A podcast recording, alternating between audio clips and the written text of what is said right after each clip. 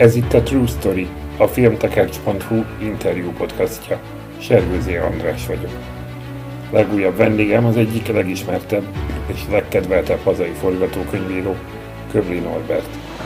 Neve 10 évvel ezelőtt a Vizsga című 56-os krimi sikere után végképp összefort a történelmi filmekkel.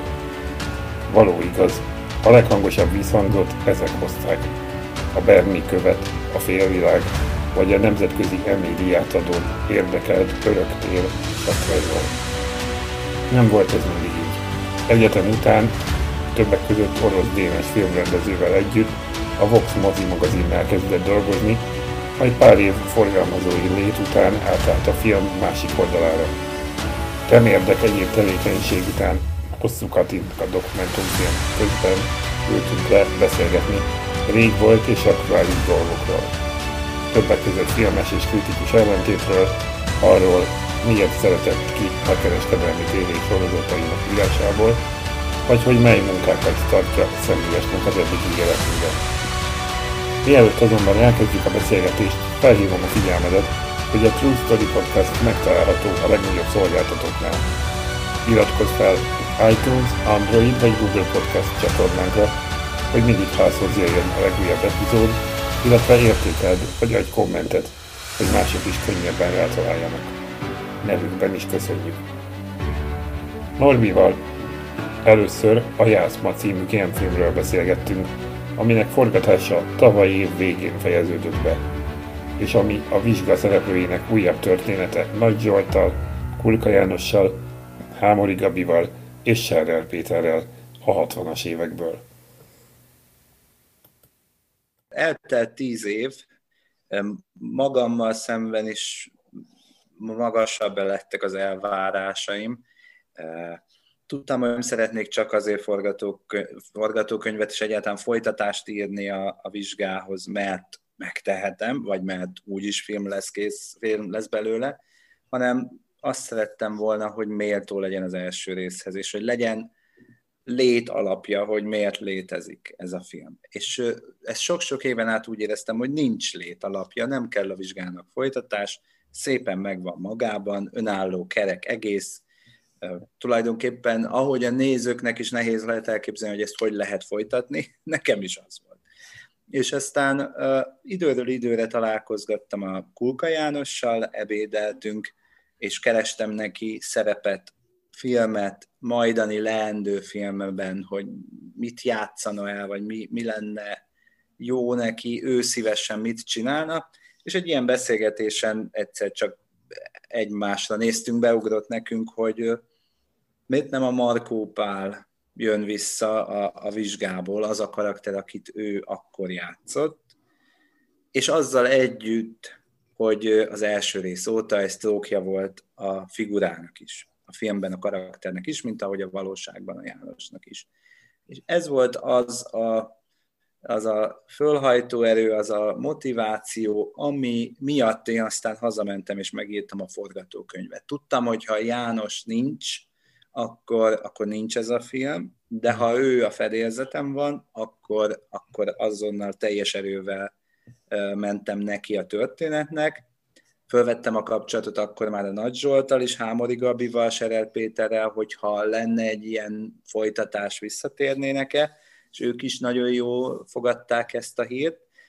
És akkor négy színésszel a fejemben kellett, ez is egy nagy kihívás volt, hogy négy fantasztikus színésznek írjál olyan szerepet, hogy egy filmben elférjenek és egymáshoz képest is jók legyenek a szerepek, és önmagukban is, senki ne érezze azt, hogy háttérbe van nyomva. Ha lehet, egy kicsit mindenki azt érezze, hogy az első rész óta még, még többet, vagy még újabbat tud mutatni, mint akkor. Uh-huh. És akkor így, ezt, ezt képzeltem el, hogy mi történhetett velük mondjuk öt év alatt ezekkel a karakterekkel, és így lett ha nem is öt, de mondjuk hat év, tehát 1957 volt az első rész, ez meg 1963-ban játszódik, és, és innen indult a, a, a, a történet, hogy mi lehet velük. Gondoltam, hogy tíz évet ugrok, gondoltam, hogy öt évet ugrok, azért ugrottam pont ezt a hat évet, mert az 1963 az egy nagyon érdekes időszak a, a magyar történelemben, meg a nemzetközi mhm. történelemben is. Az, tehát a, igazából akkor Kulka János volt egy ilyen gyújtópontja ennek a folytatásnak. Mi lett volna, ha, ha, ha, ha arról van szó, hogy, hogy az előkészül, mondjuk addigra már kész a forgatókönyv, mire előkészületek, vagy egyáltalán akkor végül is hamarabb volt meg a négy szereplő. Arra próbál kiukadni, hogy mi lett volna, hogyha ha Kulká János igen pont, de a három másik szereplő valamilyen okból kifolyólag nem tudja.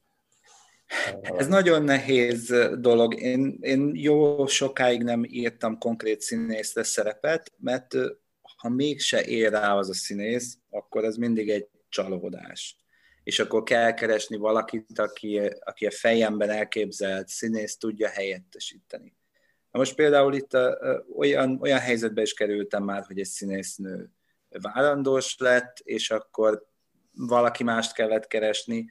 Olyan is volt, hogy ez a színész átment egy másik csatornához, és akkor a helyére keresni kellett. Tehát, hogy sokszor okozott fejfájást, mint minden írónak, meg rendezőnek az, hogyha a színész nem ér rá, más csinál, korábbi elkötelezettségei vannak, és ez itt is így volt. És egy kicsit úgy frusztrált is ez a helyzet, hogy mi van, hogyha nem fog összeállni. De úgy voltam vele, ha mégis összeáll, akkor az egy igazolás arra, hogy ezt meg kell csinálni, mm. ezt a filmet. Mm.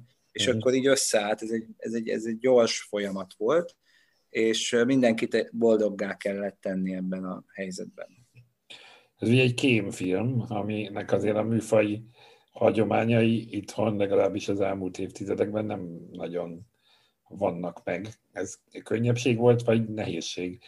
Azért nyilván a, a, a, ez a fajta besugó rendszer, ami ugye a vizsgában is megvan, az már adott nyilván egy alapot, de hogy, de hogy ez, na, csak az eredeti kérdésre tudok visszatérni. Tehát ez, hogy volt-e, azt hallottam, hogy a fotóháber volt egy ilyen minta például.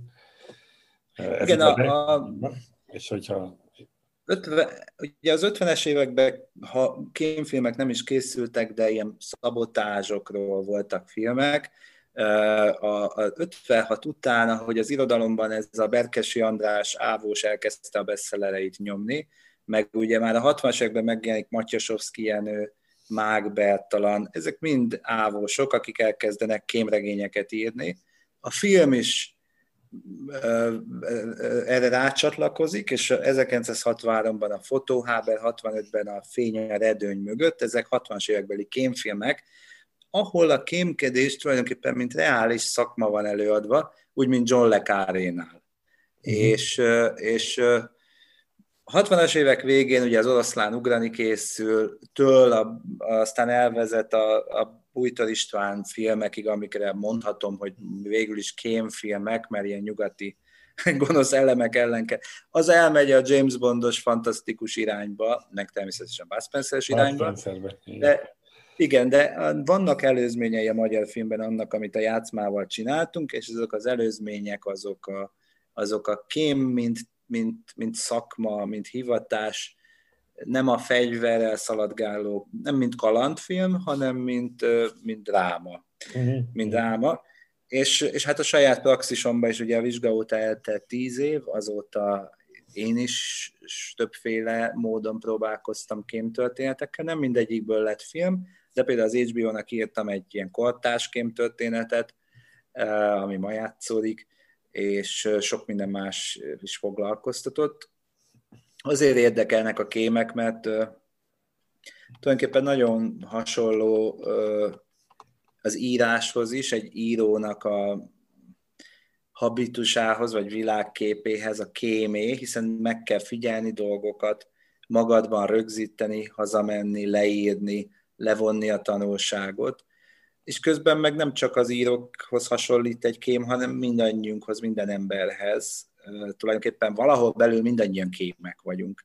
Próbáljuk kikémlelni, hogy azok ott távolban mit beszélnek, azok ott vajon rólunk nevetnek-e, azok ott minket akarnak-e kiközösíteni, ez a nő tényleg szeret engem, egyfolytában kémlelnünk kell a többi embert, hiszen, és valahova lejelentjük belőle a, nem tudom, a lelkiismeretnek vagy a tudatunknak, hogy, hogy mire jutottunk, csak a kémfilmekben mindez, ami az életben lassan, hosszú távon bontakozik ki, és egy ember kiismerése beletart 30 évbe mondjuk, addig a filmben, a kémfilmben sűrítve két órában tudnod kell, hogy bízhatok ebben a férfiban, vagy nem, mhm. bízhatok ebben a nőben, vagy nem, és nagy a tét, mert, mert gyorsan van valami időzített bomba átvitt értelemben, ami föl fog robbanni, hogyha én ezt most nem ismerem ki ezeket az embereket jól. Tehát végül is a bizalomról szólnak a kémfilmek, bizalomhiányról, és, a, és ez, a, ez a játszma is, ennek is ez a központi motivuma az, hogy bízhatok-e a másik emberbe, vagy egyedül vagyok az egész világon, senkiben nem bízhatok. Ha viszont egyedül vagyok, és senkiben nem bízhatok, akkor mit ér az életem? Úgyhogy ez, mhm. e, erről szól most ez a második rész. Mhm. Még röviden ezt a témát, vagy ezt a részt zárjuk le azzal, hogy hogy, hogy áll most. Ezt ugyan nem, nem te felügyelsz a vágás és egyéb utómunkálatok fölött, de azért nyilván annyira rátásod van, hogy valami képet kapjunk arról, hogy, hogy hol tart az ügy, és mozi kinyitásától, a vírusjárványtól függetlenül Igen. mi a helyzet a film láthatóságával. Hát, nagy, nagyon izgultunk, hogy le tudjuk-e forgatni, mert ezt szeptember, október, novemberben forgattuk. Szigorú előírásokat betartva leforgattuk. Ez úgy néz ki, hogy minden stábtag hetente volt tesztelve, színészek hetente kétszer, és hogyha valami rendkívüli adódott, akkor az egész stáb egyszerre újra. De meg kell mondjam, hogy nem voltak rendkívüli helyzetek. Tehát ezeknek a, a, a belsőkben maszkban forgattunk, tehát az egész stáb kivéve a színészek maszkban voltak, szépen le tudott forogni a film, meglepő, mert én nagyon féltem, hogy majd három-négy naponta le kell állnunk, és aztán újra tervezni az egész filmet, de egy filmforgatás ezek szerint Covid időszakban is jól kontrollálható folyamat, ez vagy csak szerencsénk volt. De most úgy van, hogy eleve van egy pár punkt tavaszra tervez, vagy nem is tavaszra, februárban még van egy-két autó belsőnk, amit külön stúdióba veszünk föl, és van egy nap külföld. Ugye ez a nagy Aha. kihívás, hogy ezt fel tudjuk-e venni, mert az csak annyiban külföld, hogy egy tengerpartot kéne azért mégiscsak villantani, azt itthon nem tudunk. Mást Ilyenkor jelentene, ha csak a Balaton. Ilyenkor a vizuális effekt az ki van zárva, hogy nem tudom, még nem adtuk fel a reményt, hogy azért egy napra el tudunk menni forgatni, ha még májusig össze tud jönni. Most már van egy vágát, vágata a filmnek, amit ha minden igaz, akkor én, mint író, és a Lajos Tamás, mint producer, megnézhetünk hétfőn, tehát egyelőre csak a rendező és a vágó látta, ez egy első vágás, és akkor, akkor fogjuk látni mi is, hogy hogy, hogy áll össze. A musztereket látom én is mindig, van egy ilyen belsős oldal, ahol kicsit olyan, mint a YouTube, csak zárt láncú, ahova este föltölti a, a stáb aznap leforgatott összes musztert, tehát a napi forgatott anyagot, és akkor így, ha nem voltam kint a forgatáson, mert hogy a Covid miatt most kevesebbet mentem, hogy ne zavarjam ott a köröket, de azért hetente mentem. Szóval minden este meg tudtam én is nézni, hogy mi a muszter, de a, van az, az, az a hollywoodi mondás, hogy a muszter mindig jobban néz ki, mint aztán az összevágott anyag. Tehát a legjobban a muszter néz ki, a legrosszabbul pedig az első vágat. Mi most a jövő hétfőn a, a film legrosszabb állapotát fogjuk látni. Remélem, hogy ebben az állapotában is állni fog a lábán. Úgy látom, hogy igen. És aztán még egy hosszú munka vezet a, a végső vágásig, a zenén át, a hang effekteken át, pár trükkig, tehát olyan trükköket kell képzelni, hogy ugye korabeli kell tenni Budapestet, azaz általában le kell retusálni dolgokat a képről, ami oda nem való, és hogyha valamivel még ki kell egészíteni egy képet, akkor azt hozzá kell toldani. Úgyhogy mi úgy számoltunk, hogy decemberben mutatjuk be a filmet, meglátjuk, hogy a, mi készen leszünk, de hogy aztán mi lesz addigra, azt nem tudom megjósolni. Szóval került itt a forgatás, és hogy általában azért olyan uh, alkotóitól egy-egy filmnek, akinek nem a forgatáson van feladata, hanem előtte, mint a forgatókönyvíró, vagy utána, mint a vágó. Gyakran mondják azt, hogy akinek nincs dolga a forgatáson, annak tulajdonképpen ez nem egy annyira érdekes, látványos, hasznos dolog. Viszont te most azt mondod, hogy te azért gyakran jársz te, hogy te ilyen ebből a szempontból máshogy állsz ehhez a kérdéshez, vagy hogyan, hogyan látod, mit tud tenni egy forgatókönyvíró a forgatáson? Azon kívül, hogy nyilván néha bele kell szólni, hogy ezt most máshogy csinálnánk, akkor gondolom egyeztetni kell veled, de hogy ilyenkor te hogy vagy jelen egy forgatáson? Amikor én kimegyek a forgatásra, akkor a rendező dolgába nem szólok bele, sőt, senkinek a dolgába nem szólok bele. Ha jól készítettük elő a filmet, akkor nekem ott már semmi dolgom nincs a forgatáson. És amiért mégis kimegyek, azon túl, hogy érdekel, bár mondom, most már a technika ott tart, hogy este látom azt, hogy mit csináltak napközben a stáb, de azon túl azért is kell ott lennem, mert úgy érzem, hogy fontos a, a stábnak. Az az, hogy időnként megjelenjen az író, és azt mondja, hogy minden rendben van Aha. Tehát ilyen szempontból valahogy ezt így rá kell ütnöm a kóser pecsétet, hogy igen, így képzeltem, nagyon jól dolgoztok. Ez nem igényel... Színész, ez például a színészeket, már bocsánat, de érdekli? Tehát, hogy ez nem, a, nem az írónak a saját Szerintem, kérdése?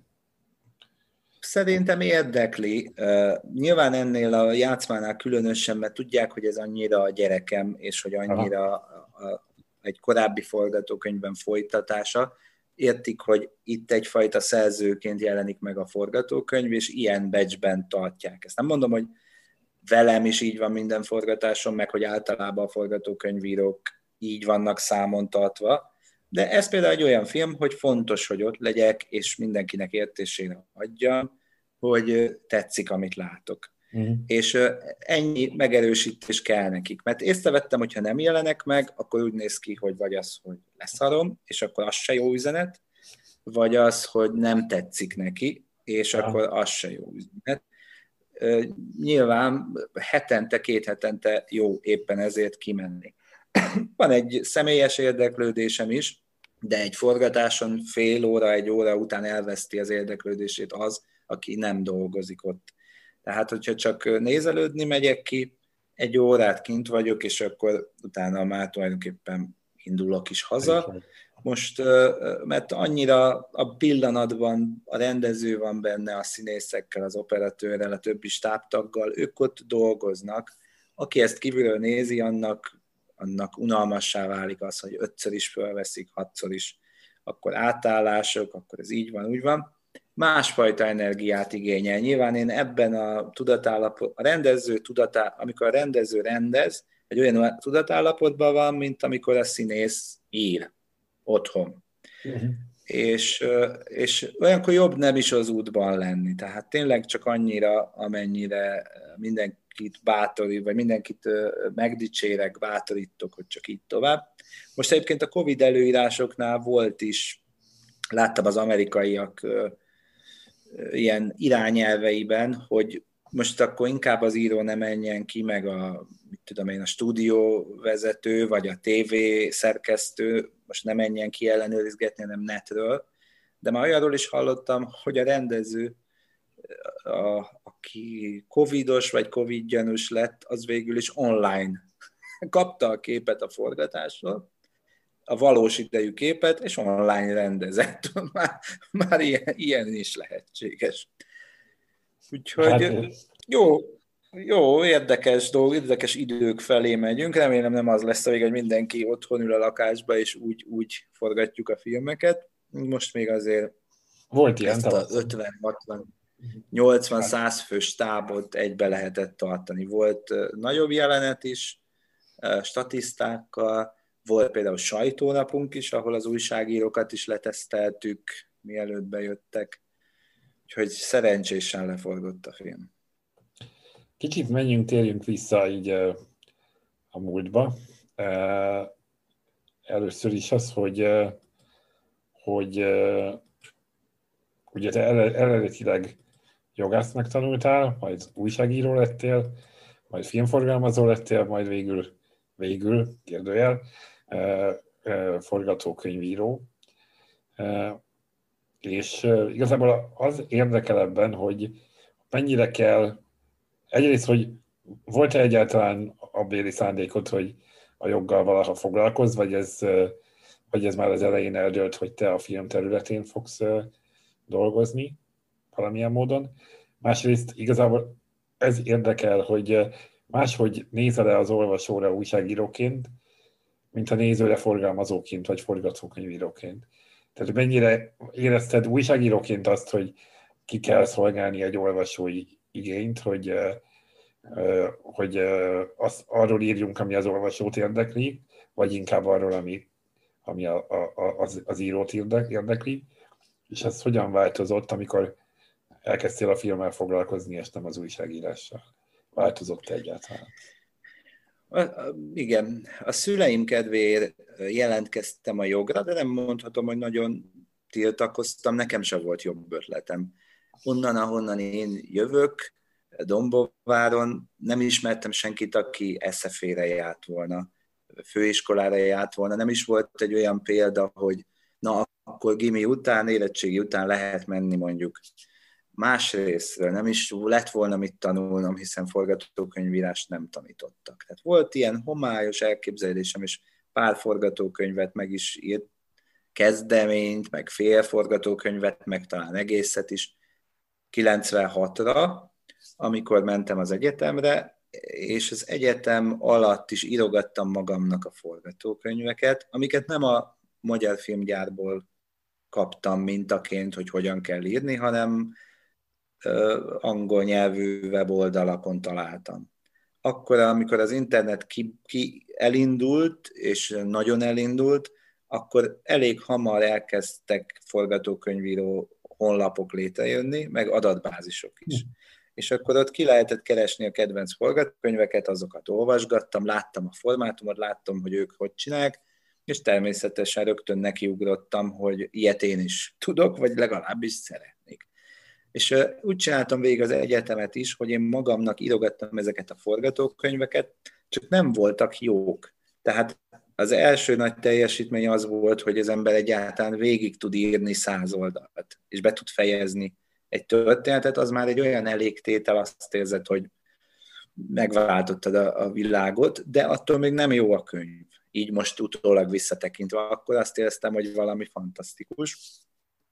És a jogi egyetem felénél én éreztem, hogy jogász nem szeretnék lenni, de nem voltam soha ilyen kilépő, föladó típus, úgyhogy végigcsináltam, és dicsérettel lediplomáztam, és így lettem doktor Köblin Norbert, de az egyetem után én már egyetemi évek alatt jelentkeztem a Vox mozi magazin vidéki tudósított keresünk pályázatára, soha nem csináltam ilyet, ez szerintem olyan 2000 körül lehetett, és rögtön fölvettek, és ha azt kérdezed, hogy vajon érdekelte az olvasókat az, ami engem, szerintem nem, de ez engem nem tartott vissza, mert engem akkor a box office, egyébként a mai napig, hát én az összes filmnek a bevételét tudom, mint egy adatbázis, és akkor elindítottam a Voxban ezt a box office rovatot, ami havi rovat lett, és szerintem vagy 20 éven át ment, de, de én csak az első pár évben csináltam, és erre ráépülve volt egy sorozatom a hollywoodi értéktősdéről, ami egy virtuális tőzsde volt a box office-ra épülve, az se érdekelt senkit, de engem nagyon, és, és aztán kritikákat, kritikákat szerettem írni, és visszatekintve mindig a forgatókönyvírás felől közelítettem meg őket. Tehát, hogyha megnézem a filmkritikáimat, kevés szó esik, esik benne szó mondjuk a rendezésről, színészi játékról, zenéről, de 80%-ban a, a történetről, a narratíváról, a dramaturgiáról. Így születgetett meg bennem a, a forgatókönyvíró, hogy néztem a filmeket, és fejben átköltöttem, hogy hogy lett volna jobb melyik pillanatban hogyan kellett volna kanyarodni a sztorinak, és hogyan kellett volna másként megcsinálni, tehát alternatív történeteket találtam ki, és ezért filmkritikusként végtelen toleranciám volt a rossz filmekkel. Hát jó sok rossz filmet meg kell nézni egy kritikusnak, és hogy hasznosan teljén az idő, én a rossz filmek közben futtattam magamba ezt a szoftvert, tulajdonképpen készültem arra, hogy majd én is filmeket fogok írni. Ilyen módon voltam a filmek megszállottja visszatekintve mindig, és filmkritikusként is, hogy a történet. Ma már, hogyha írnék filmkritikát, tudnék egy teljes spektrumban beszélni arról, hogy ki, melyik részleg hogyan végezte a feladatát, és hogy a, a rendező hogyan tartotta kézbe a filmet, vagy nem.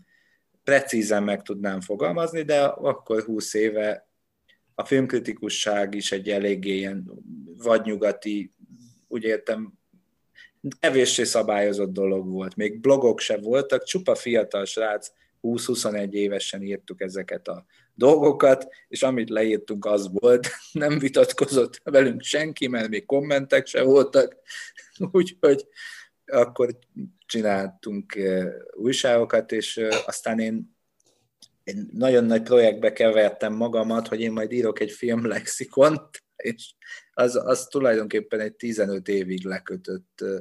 Még, még 2012-ig csináltam egy blog formájában, amin volt, vagy 2500 filmkritikáig jutottam, és szerettem volna minden filmről írni, és aztán fölfogtam, hogy évente legalább 300 új filmről kéne, plusz még azok az évek, amik, előtt, amik mögöttem vannak, és nem láttam azokat a filmeket, Úgyhogy a filmkritika az, az mindig megmaradt. Most is újra és újra el, megkísért, hogy írjak filmkritikát, vagy a filmmel foglalkozó könyvet, vagy tanulmányt, vagy eszét, mert nagyon érdekel a film így is, elméletileg is.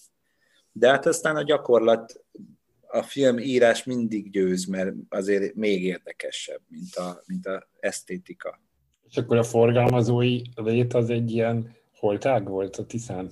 Vagy a Dunán? Nem, nagyon hasznos volt. Tulajdonképpen a, a, egy következő logikus lépés volt. A filmkritikától is vezet út a filmessé lenni. Ugye például az orosz dénessel egy napon vettek föl engem a Voxhoz.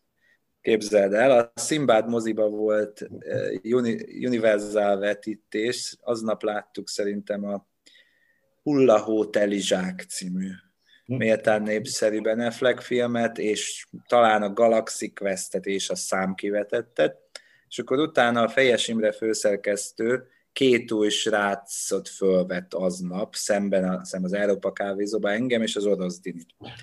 És akkor az, az orosz Dini ugye jelentkezett utána a főiskolára, és akkor így lett filmrendező, de mások is, Vilányi Dani is jelentkezett forgatókönyvírónak, és aztán azóta Vörös Adél is írt forgatókönyvet.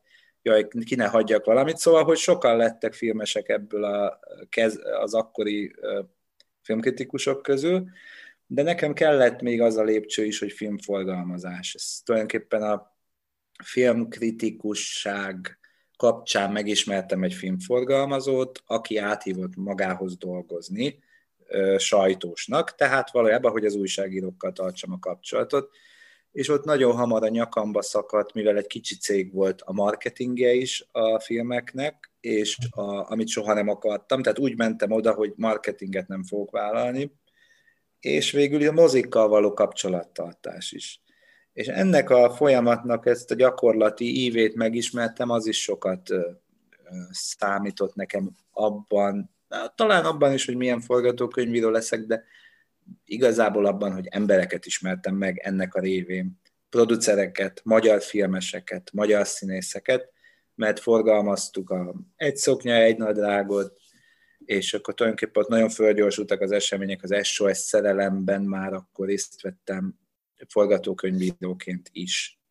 Az, az SOS szerelmet azt én forgalmazóként, és mondjuk rá, hogy development executive-ként kezdtem, tehát azt felfedeztem azt a projektet, hogy van, összeraktam a kreatív csomagot, hogy Csányi Sanyi 2017. februárban ebből a forgatókönyvből így, és aztán menet közben segítettem a forgatókönyv írásában, de az valójában az a projekt, az teljesen egy kereskedelmi szemléletű dolog volt, egy filmforgalmazói szemlélet, hogy kéne nekünk egy olyan film, amit el tudunk adni. És, 2007, 17-et mondtam, ugye 2007 Valentin napon. Úgyhogy ennek volt a, a második logikus állomása a 9 és fél Andi, ami már egy saját forgatókönyv volt, Fenyő Iván. Igen, és az egy, de még ezen a, ezen a, ebben a mindsetben, az hogy is van magyarul, pedig, pedig tudok magyarul nagyon jól, de szóval, hogy abban a, abban a beállítódásban készült, hogy filmforgalmazó. Kilenc és fél is onnan indult ki, hogy közönségfilm legyen, sokan megnézzék, és, és aztán üljenek be. És mikor 9 és fél elkészült, és nekem nem tetszett, akkor éreztem belül egy ürességet, hogy tulajdonképpen arra vágytam, hogy legyen egy film, amit én írok, bemutassák, meg is tudok élni belőle, nem kell mellette más munkát vállalnom, és amikor ott álltam a díszbemutatón, és gratuláltak az emberek, akkor hogy jó film volt, akkor én annyira csalódott voltam, hogy azt mondtam az embereknek, hogy szerintem meg nem. És ma már ilyet nem csinálnék, de akkor, akkor ezzel, ezzel ki is nyilatkoztál. Hogy... Ezzel ki is nyilatkoztál majdnem a forgatókönyvírok. Azt gondolom, hogy Igen, az e... annyira rossz kritikákat kapott ez a film megérdemelten, amit én teljesen jogosnak is éreztem, hogy ott helyben megértettem azt, hogy nem az a lényeg, hogy legyen filmed, nem az a lényeg, hogy sokan megnézzék, semmiféle lelki kielégülés nem ad, ha sikeres a film. Csak az ad, hogyha neked is tetszik, hogyha te magad elégedett vagy vele. És ez, ez egy olyan életesztől tanulság volt, hogy az elmúlt 12-13 évben ez szerint írom a filmeket, és ez szerint válogatom meg a projekteket és az alkotótársakat is. Mind, mind múlik, lehet, hogy éppen az alkotótársakon, de kicsit azért kíváncsi vagyok, hogy mind múlik ez, hogy nem kell ilyenfajta kreatív kompromisszumokat kötni, mint amit a 9 és fél randi kapcsán te emlegettél, vagy nyilatkoztál több helyen is. Hát nézd azt, hogy, hogy nem másra mutogassak, és nem másra okoljak. Most, hogy mit tehet az író, mint művész, hogy kinek írja a filmjeit Ugye mindenki írja valakinek, de ha csak egy elképzelt nagy masszának írod, akkor sokkal tágabbra lősz, sokkal inkább nem vagy azonos önmagaddal, mintha ha csak egy embert is, de el tudsz képzelni, hogy ezt anyukámnak írom, hogy vagy, vagy nem tudom, barátnőmnek, vagy a fiamnak, tehát hogy kell valakit oda képzelni, hogy ha ezt majd látja, vagy ezt majd olvassa, akkor rá milyen hatással lesz. Tehát el kell tudni képzelni, hogy ez a néző az hol tart a történetben, és ő majd e, mit fog érezni ebben az adott pillanatban. Csak ez szerintem egyel konkrétabbnak kell lennie, mint az, hogy a közönség. Mhm. Egy, egy Haneke például közönségnek csinálja a filmjeit, csak egy nagyon szofisztikált közönségnek, akiről úgy gondolja, hogy látták a korábbi filmjeimet, sok türelmük van, nyitottak esetleg a merész bizalt dolgokra is, és mindig tudják, hogy én merre viszem őket, bíznak bennem, és Haneke is mindig tudja, hol tart az ő közönsége. Ami nem egy, mit tudom én, blockbuster közönség, annak csak egy 10%-a, de ő azzal a közönséggel játszik. És tulajdonképpen nekem is ezt, a, ezt az én közönségemet kellett megtalálnom, tehát úgy, hogy hű maradok önmagamhoz, és úgy beszélek egy, egy közönséggel, akik értik, amit én mondok. Ezt én észrevettem, hogy szűkebb, mint mondjuk egy RTL-es sorozat közönsége, és például ezért is fejeztem be tavaly a kereskedelmi tévékkel való együttműködésemet, mert nem tudtam hű maradni magamhoz, azt éreztem, mert ott egy millió nézővel kell kommunikálni, én nem tudok. Én lehet, hogy csak százezer nézővel tudok kommunikálni, de velük őszintén, és úgy, úgy is, hogy nekem is jó, meg, meg nekik is jó. És ezt, ezt érezted, vagy éreztették veled, hogy hogy az ilyen sorozatok, mint a Tanár, ugye, vagy az Apatigris, ami az elmúlt évben is az RTL klubban a forgatókönyvírói munkádból kikerült, hogy több elérhető lenne, hogyha nem akarnának a forgatókönyvíráskor már ilyen szűk réteget megcélozni? Nem, képzeld el, hogy, hogy én magam akartam nagyon sok emberrel kommunikálni, szerettem volna sikert elérni a televízióban, mert van egy olyan adrenalin fröccs, hogyha azt érzed, hogy ebben a pillanatban most 800 ezer vagy 1 millió ember nézi azt, amit írtál, egyszerre élőben nézik, mm. azt, azt a mozi se tudja. És, és ez, ez, ez jól esett nekem. Ugye rögtön úgy indultunk a vállotásoknál is, hogy nagyon sok ember, és nagyon nagy figyelem, és nagyon sok visszajelzés, és az emberek szeretik, de ahogy haladtunk előre a sorozatokban, és hiába haladtunk az egyre személyesebb dolog, ugye úgy értem, hogy az apró, de hogy az apró mesik, az apatigris az egy magyar fejlesztés, tehát Csurgó Csabival ketten írtuk, nem is német formátum, meg nem is holland, de teljesen őszintén, most őszintén beszélünk, azt, azt az ürességet kezdtem érezni, mint a kilenc és fél Andinál, hogy jól van, meg volt ez is, tudtam a moziban egy sikerfilmet írni, most akkor tudtam a televízióban egy sikerfilmet, siker, de nem vagyok tőle annyira különösebben boldog. Uh-huh. És, és azt éreztem, hogy személyesebb dolgok felé kell kanyarodni, és ennek volt része a játszma is, és, és most is, amiken dolgozok, azok is személyesek. Ugye nekem a, magamban fönn kell tartanom a tüzet egy egész életen át, hogy legyen bennem lelkesültség, hogy ne fásuljak bele. Jó, minden ember így van ezzel a saját munkájában, de hogy nekem is, egy írónak is állandóan kíváncsiságát fönn kell tudnia tartani, az, hogy ne égjen ki és a kereskedelmi tévé az egy egyenes és perfekt út a kiégésre. Térjünk még egy picit vissza erre az újságíró dologra, abból a szempontból, hogy rendre fölmerül, és most lehet, hogy ez kicsit köldök nézegetős az én részemről is, majd beteggeljük, hogy mettől meddig tart ez a rész, amikor a filmes versus újságíró vitáról van szó.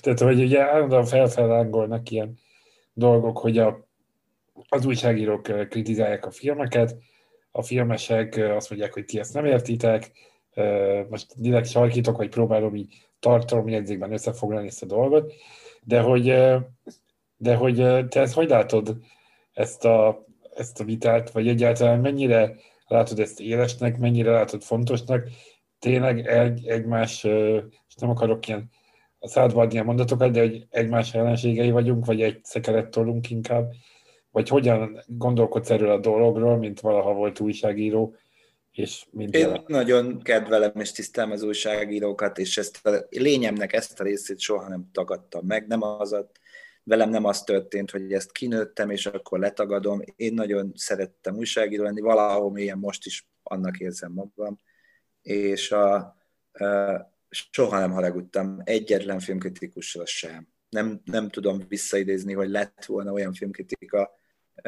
ami, amit nem éreztem volna méltányosnak, vagy bizonyos tekintetben jogosnak.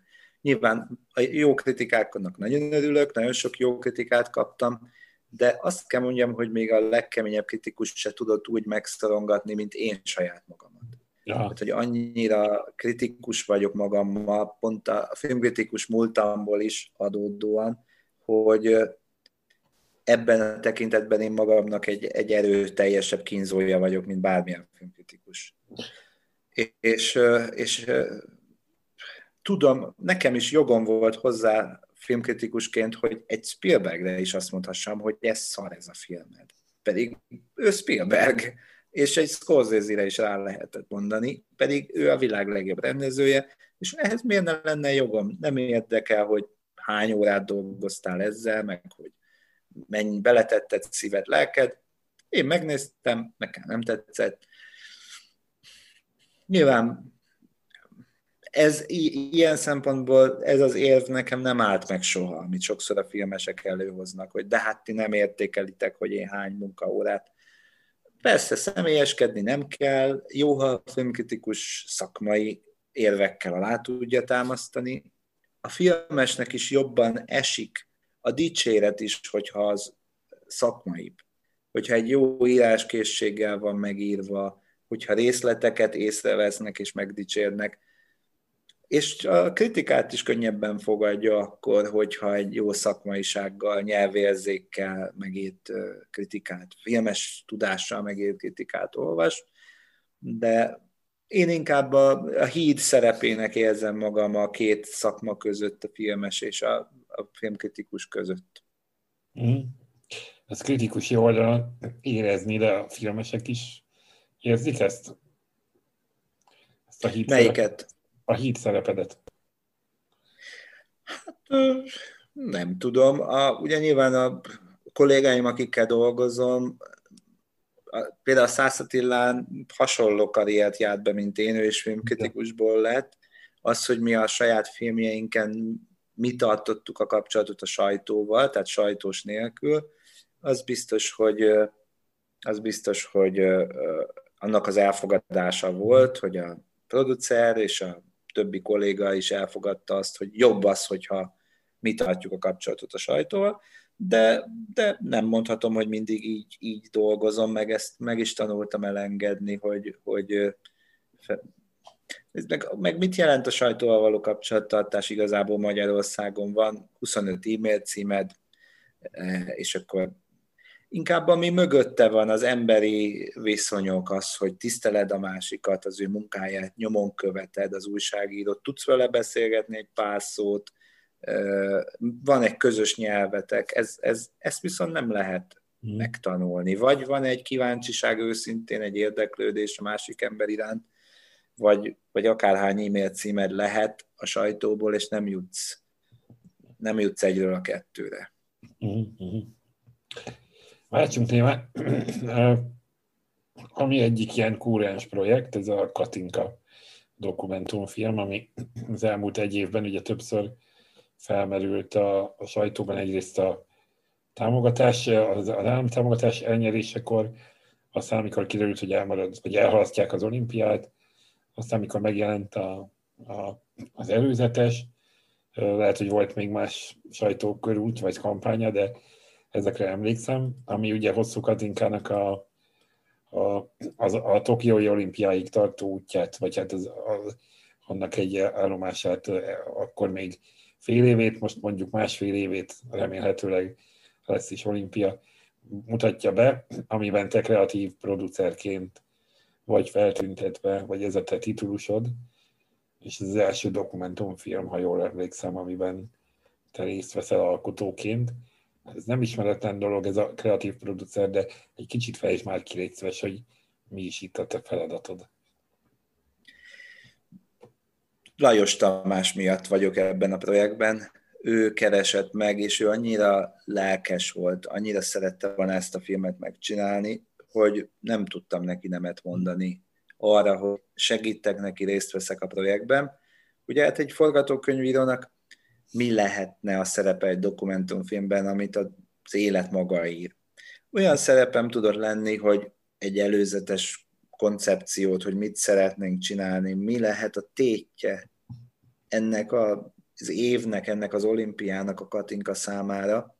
Ezt, ezt megírtam, azt, hogy gondolkodtam együtt a stábbal, az, hogy megnézzük az archívokat, az, hogy próbálunk egy formát adni az egésznek. Kerestem előképeket, hogy legyen olyan, mint a free solo, nem? Mennyire jó doksi az arról a, arról a szabad mászóról. Hogy legyen annyira izgalmas. De őszintén szólva, még a kreatív produceri titulus is túlzás. Hát ahhoz képest, hogy, hogy mi nekem a részvételem ebben a produkcióban, tehát egy nagy lelkűség a Tamástól, hogy azt mondta, hogy akkor ez legyen az én titulusom, mert valójában arról van szó, hogy van egy kipróbált, tapasztalt dokumentumfilmes táb, aki a Katinkával tölti az életét. És ez első körben ugye lett volna kilenc hónap, és tavaly Tokióban véget ért volna, és erre ráhúzzanak még egy évet. Úgyhogy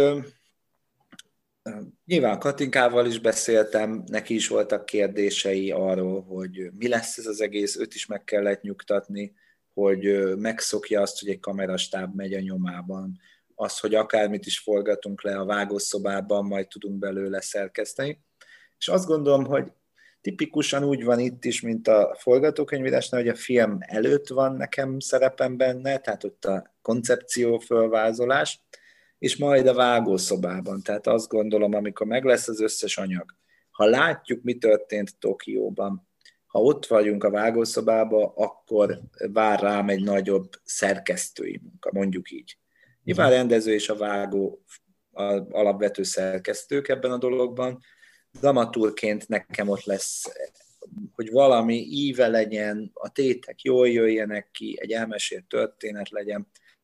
Úgyhogy a nehézség az az, hogy nem tudjuk. Azt se tudjuk, hogy lesz-e olimpia idén, azt se tudjuk, hogy ha jövőre lesz az olimpia, akkor a Katinka elindul le még egyáltalán, vagy azt mondja, ha idén elmarad, hogy vége. Már, hogy 22-re, ha tovább halasztja. Igen. Mhm. Akkor, akkor, akkor mi a film? Tehát akkor mi a filmünk? Akkor viszont az a filmünk, hogy szemtanúi voltunk, ahogy Katinka feladta, mondjuk rá. Na most miről szól a filmünk? A Covid-ról szól a filmünk, arról, hogy mennyire nehéz az, hogy még egy évet ráhozni arra a kemény edzésre, amire készültél, hogy megmaradnak-e a prioritásaid, hogy még arra vágysz mint egy éve, mert a Katinka életébe is a bezártsággal egyre jobban a magánélet került a fókuszba, vissza lehetett érni ahhoz a fanatizmushoz, ami nem ismer semmi más, csak az élsportot. És miközben természetesen ott a kihívás is, hogy mi történik Tokióban. Ha ez történik, akkor van egy befejezésünk, ha az történik, akkor van egy befejezésünk, és hát íróként ez is nehéz, mert én a filmekben, amiket írok, először a végét tudom és a végéből fejtem vissza az egész történetet, hogy majd oda megérkezzünk hatásosan. És ezért gondolom, hogy az én feladatom a vége. Amikor tudjuk a végét, és ennek a tudtában kell újra rajzolni az ívet, akkor, akkor kell majd nekem, vagy akkor hívnak be ö, ö, sűrűbben, és akkor leszek aktív szereplője ennek a projektnek. Lehet, hogy nem te vagy a, vagy nem, nem, nem, nem tőled, de említetted az előbb, hogy te is beszéltél még vele az elején arról, hogy ez a film hogy jöjjön létre, vagy létrejöjjön, vagy mit kértek tőle, mit nem. És igazából az jutott eszembe, hogy neki nagyon erős médiája van egyébként is. Ugye az Iron Lady, meg egyáltalán, tehát hogy, hogy van neki egy fölépített brendje, mi szüksége van neki arra, hogy egy ilyen film meg, megteremtse őt, mikor, vagy legyen egy ilyen film, mikor, mikor pont az, és azt gondolnám, hogy, hogy neki is van egy határozott elképzelése arról, hogy a világ mit gondolja rólad, róla, az elképett szerződéstől kezdve sok mindenen át, amivel ugye ő rendre benne van a közvéleményben. Másrészt az alkotóknak is van egy erős elképzelése, hogy ezt összefésülni hogy lehet, tehát hogy, hogy ez hogy, hogy alakult ez ki, Alak, vagy alakul-e még egyáltalán? Hogyan mondjam ezt úgy, hogy ne személyeskedjek közben, mert nem akarok bulváros lenni. Megbeszéltük a Katingával, hogy a film nem lesz bulváros, de nem lesz promófilm sem. Tehát mi nem egy promó videót csinálunk Katinkának, és nem is az, az, az Iron Lady-nek sem, és, a, és ezt ő nem is kérte. Tehát ezeket tisztáztuk az elején, és közös nevezőn voltunk. Ez egy őszinte film akar lenni, ha csak sikerül azt rögzíteni, ami vele történik, és semmi nem áll ennek az útjába, akkor ez, ez egy őszinte film tud lenni. Ő is ezt kéri, és ő is ezt szeretné. Szerintem az életében a legnagyobb tét, és, nem a, és, és akkor én most beszélek, de nem, az, nem tudom, hogy ő ezt gondolja hanem azt mondom, hogy szerintem, hogy ő mégiscsak egy duó volt úgy, úgy van az emberek fejében elkönyvelve, hogyha ez, ez a VEM zenekar, akkor ketten vannak benne, és akkor most, most külön mennek, és akkor mutassák meg, hogy ki sikeresebb szólóba. Vagy a Take That, vagy a Spice Girls, mikor fölbomlott.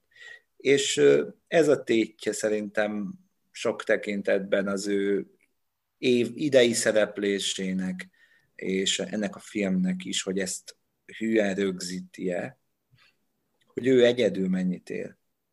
Maradt még pár percünk. A, a, picit beszéljünk a, a tavalyi évről, vagy egyáltalán a jelenlegi filmes helyzetről, és itt most inkább, mint filmszerető embert kérdeznélek, hogy ugye tavaly a karantén, azt gondolom, hogy egy forgatókönyvírónak nem akkora sorscsapás, tehát, hogy, eh, hogy ez mennyiben a tavaszi teljes, teljes bezártság, amikor mindenki tényleg sokkal inkább otthon volt, és kevésbé, kevésbé volt nyitva minden, akkor ezt te hogy élted meg? Például több vagy kevesebb filmet láttál-e tavaly? Hogyan gondolsz vissza, most még januárban picit beszélhetünk itt a tavalyi évi filmtermésről, a világ filmterméséről, mi az, ami tetszett neked, mi az, amit szívesen néztél, hogyan álltál a karantén idején a filmhez, stb.